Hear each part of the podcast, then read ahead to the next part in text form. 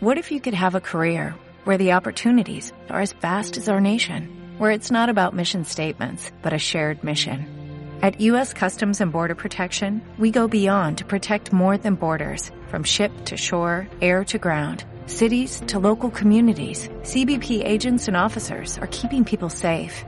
Join U.S. Customs and Border Protection and go beyond for something far greater than yourself. Learn more at cbp.gov/careers.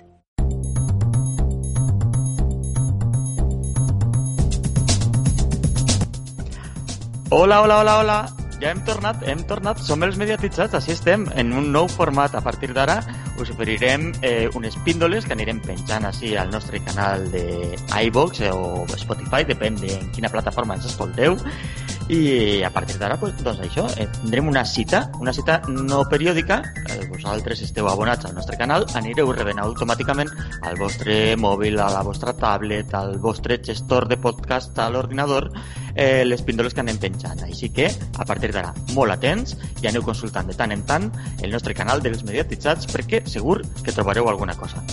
I avui, avui comencem comentant les notícies de Apunt. I és que, com sabreu, aquest canal va començar les seves emissions fa 5 mesos i a l'octubre, el dia 10, va començar eh, les seues medicions d'audiència. Doncs bé, al mes d'octubre va obtenir entre el 10 i el 31 d'octubre un 1,7% d'audiència, que eh, les consultores d'audiències com Cantar Media, 230 i Barlovento el que han de fer és computar tot el mes. Aleshores, què fan?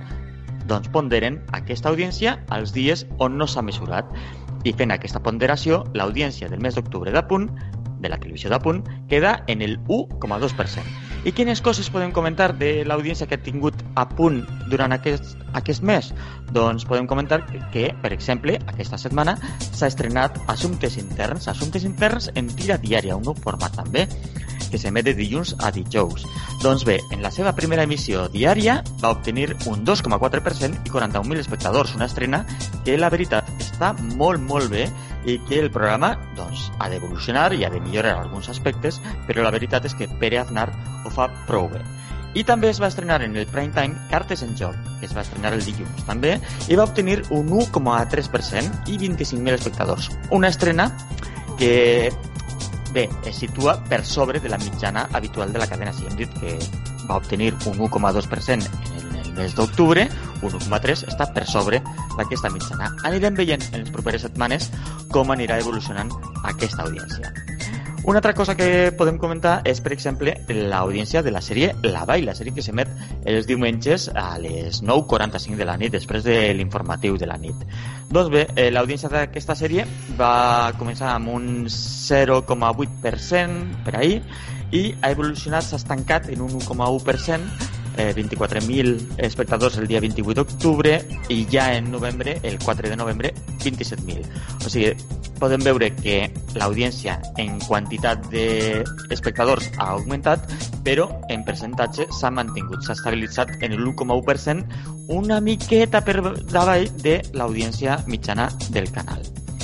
I una sorpresa que ens hem, hem portat tots és l'audiència del programa d'entreteniment que s'emet els dissabtes també a la nit, a les 9.45, Family Duo, presentat per Joan Espinosa. I és que este programa, en la primera setmana de medició d'audiències, va obtenir un 1,2%, 18.000 espectadors, la segona setmana 2,4%, amb 43.000 espectadors, la tercera setmana un 3,3%, 60.000 espectadors i aquest últim dissabte, el dia 3 de novembre, va obtenir un 2,8% i 51.000 espectadors. Com podem veure, l'audiència de Family Duo va creixent setmana a setmana, excepte el dia 3 de novembre. Per què podria haver-se donat aquesta baixada no molt significativa, són 9.000 espectadors de menys, doncs perquè era el cap de setmana del pont de Tots Sants. Per tant, eh, hi havia molta gent que estava fora del País Valencià i, per tant, no estaven davant de la tele i no van poder veure eh, aquesta entrega de Family Duo. I hem de destacar també que el 3 de novembre va ser l'últim programa d'audicions de Family Duo i que el dia 10, aquest dissabte, començaran ja els duels. Així que anirem a veure com eh, evolucionarà l'audiència de Family Duo en aquesta recta final que durarà fins a, diguem, allà fins Nadal, finals de desembre. I parlant de Family Duo, aquest dissabte el camió de Family Duo va estar a Castelló i vam tindre oportunitat d'apropar-nos fins allí i vam estar xerrant un momentet amb Joan Espinosa, el seu presentador. Bé, doncs per reprendre els mediatitzats comencem una nova etapa i avui ens hem vingut fins al Parc de Ribalta de Castelló on tenim un camió grandet, és grandet, menut no és, de Family Duo, de Apunt, i en ell ens hem trobat a Joan Espinosa. Com estem? Molt bé, molt bon dia i salutacions a tots els mediatitzats. Com està anant Family Duo? Com t'esperaves tot este enrenou que està tenint el programa, que a les xarxes socials cada dissabte la gent ahí tots escrivint i parlant de Family Duo? Jo en aquest sentit estic francament satisfet. La veritat és que la resposta del públic a través de les xarxes socials ha sigut realment important i jo estic francament molt, molt agraït a totes les persones que, que pràcticament totes les setmanes dels programes d'audicions que s'han fet fins ara eh, les han fet trending topic com a mínim en el territori valencià. I a mi això pues, m'ompli d'orgull. I després quan vam saber l'audiència també, per exemple, de les anteriors que va ser un 3,3% encara ens va resultar més gratificant la història, o sigui que jo no puc estar més satisfet a banda també naturalment de, de de la bona acollida per part del, per part del públic, l'afecte que sents també per les persones que segueixen el programa, en realitat és molt satisfactori. Jo m'ho estic passant molt bé, la veritat. I com veus el nivell de talent de, dels valencians?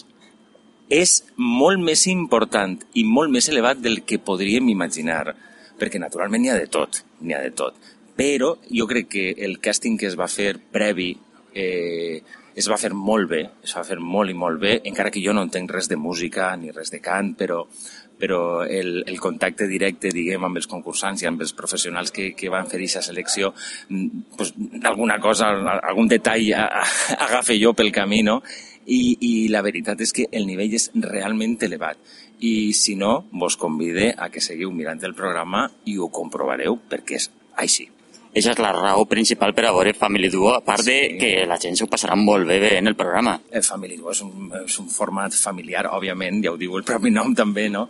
I, i, i està fet bàsicament per a, per a, per a passar una bona estona, per a disfrutar-ho, per a disfrutar-ho en família i per descomptat això, això que, que, que comentaves, buscar el, el, el duo més talentós del, entre els valencians.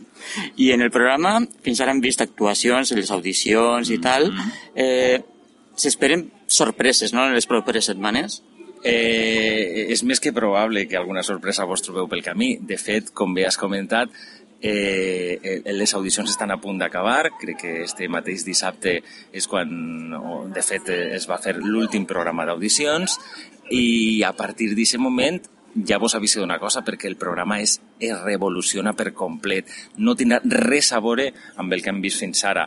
I, i ja vos avanço una cosa, anem a fer-los fer als duos enfrontar-se entre ells. Hauran de lluitar per permanèixer en el programa i això en algunes ocasions va deparar algunes sorpreses i algun moment una miqueta delicat i dolorós també, però sempre de forma amable i agradable. Eh? I passem a parlar un poquet de tu. Quan te van proposar eh, presentar Family Duo, t'ho vas pensar molt o t'hi vas cap? Si te soc honrat, eh, em, va, em, va, em va aterrar un poquet en un principi.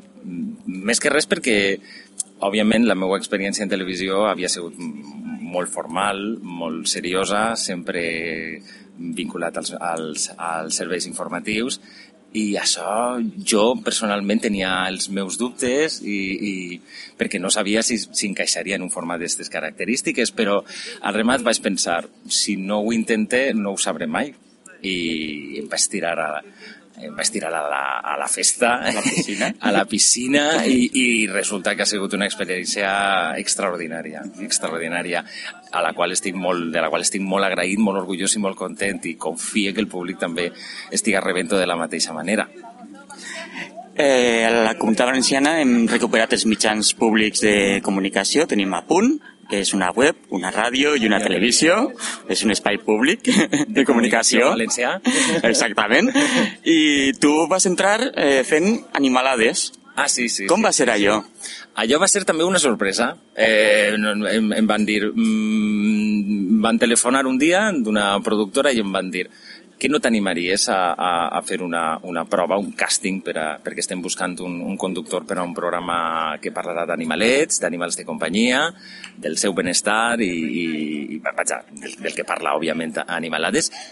Jo, en principi, també vaig pensar i dic, això, això entrarà dins dels meus paràmetres professionals i, i tal però en realitat en aquest cas encara m'ho vaig, pensar menys encara que en Family Dua, no? Em vaig tirar al rodo sense, sense pensar meu. I, I va resultar, i va resultar. I l'experiència en Animalades, la veritat és que ha estat molt, molt, molt i molt xula, perquè Animalades té un equip magnífic i, a més a més, eh, eh, era també la meva primera experiència en ràdio, que jo no havia fet ràdio abans, i, i des d'aleshores la ràdio em tira moltíssim, em tira moltíssim no havies fet ràdio, però sí que havies fet podcast. Sí, podcast sí, que no, però no és, no és, vull dir, és una, no és, és una història absolutament distinta, no? Vull dir, els podcasts vaig fer en el seu moment, vaig crear el meu compte i, per la, i pel meu compte i per la, i, i a la meva manera, en definitiva, no? un, un, un podcast que es deia Comprimits Efervescents, que era un, com una espècie d'anecdotari diari sobre efemèrides, sobre efemèrides no? No? Que, de, del, dia, del dia corresponent. No? I m'ho vaig passar també molt bé aquesta temporada.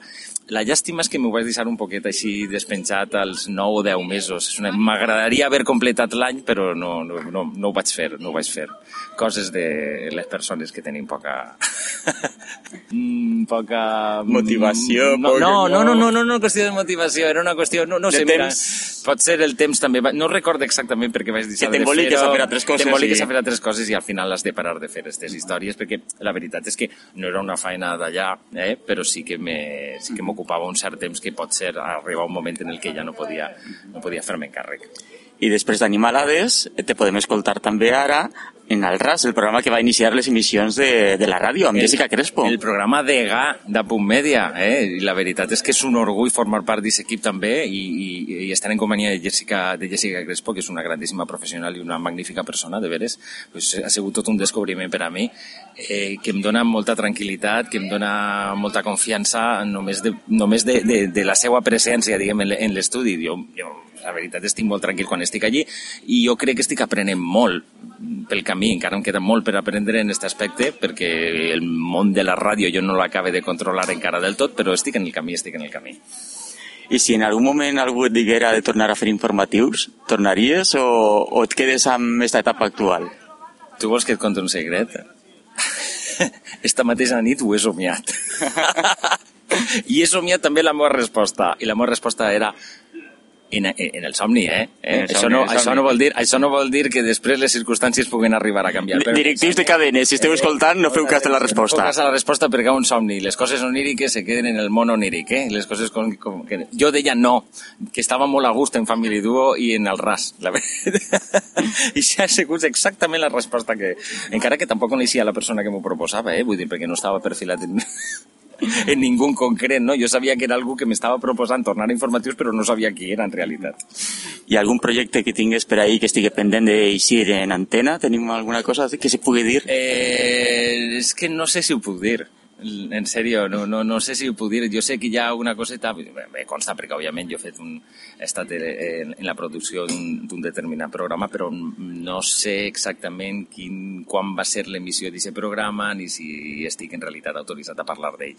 Et veurem en un altre projecte, això segur. Eh, sí, sí, això sí. Quan això sí. i quin, ja, ja ho veurem. Ja ho anirem fent pel camí, sí.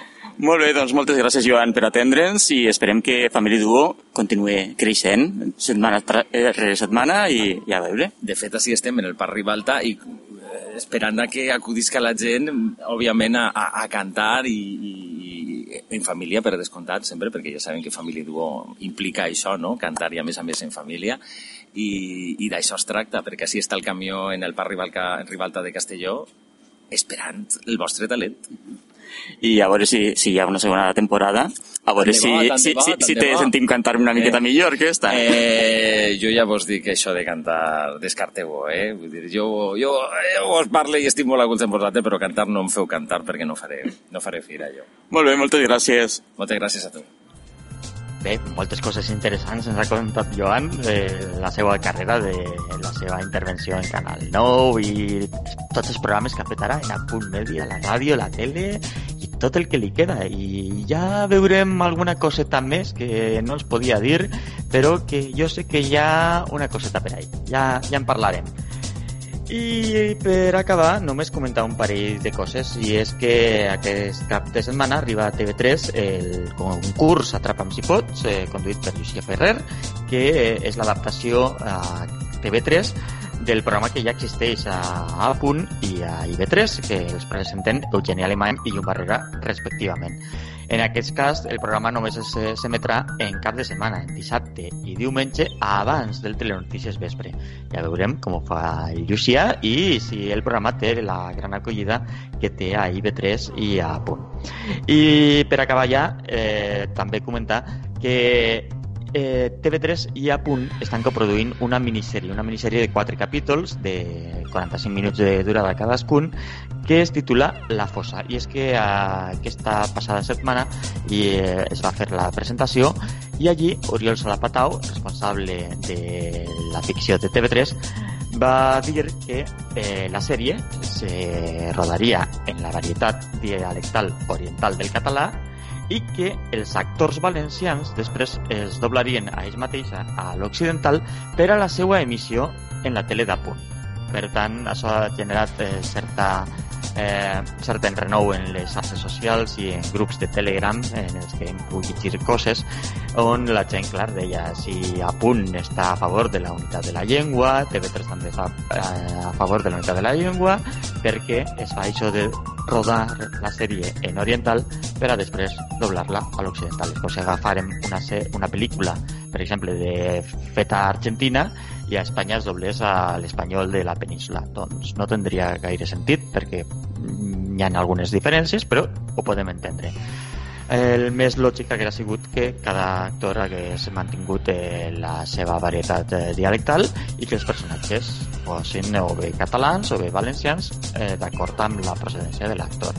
Però ja veurem com queda l'assumpte perquè la polèmica està servida. I bé, tot això era el que teníem per a contar-vos eh, avui en esta píndola que eh, us oferim dels mediatitzats i que, com dèiem al principi, estigueu atents perquè podem tornar en qualsevol moment. Passeu-ho bé, fins aleshores. Adeu!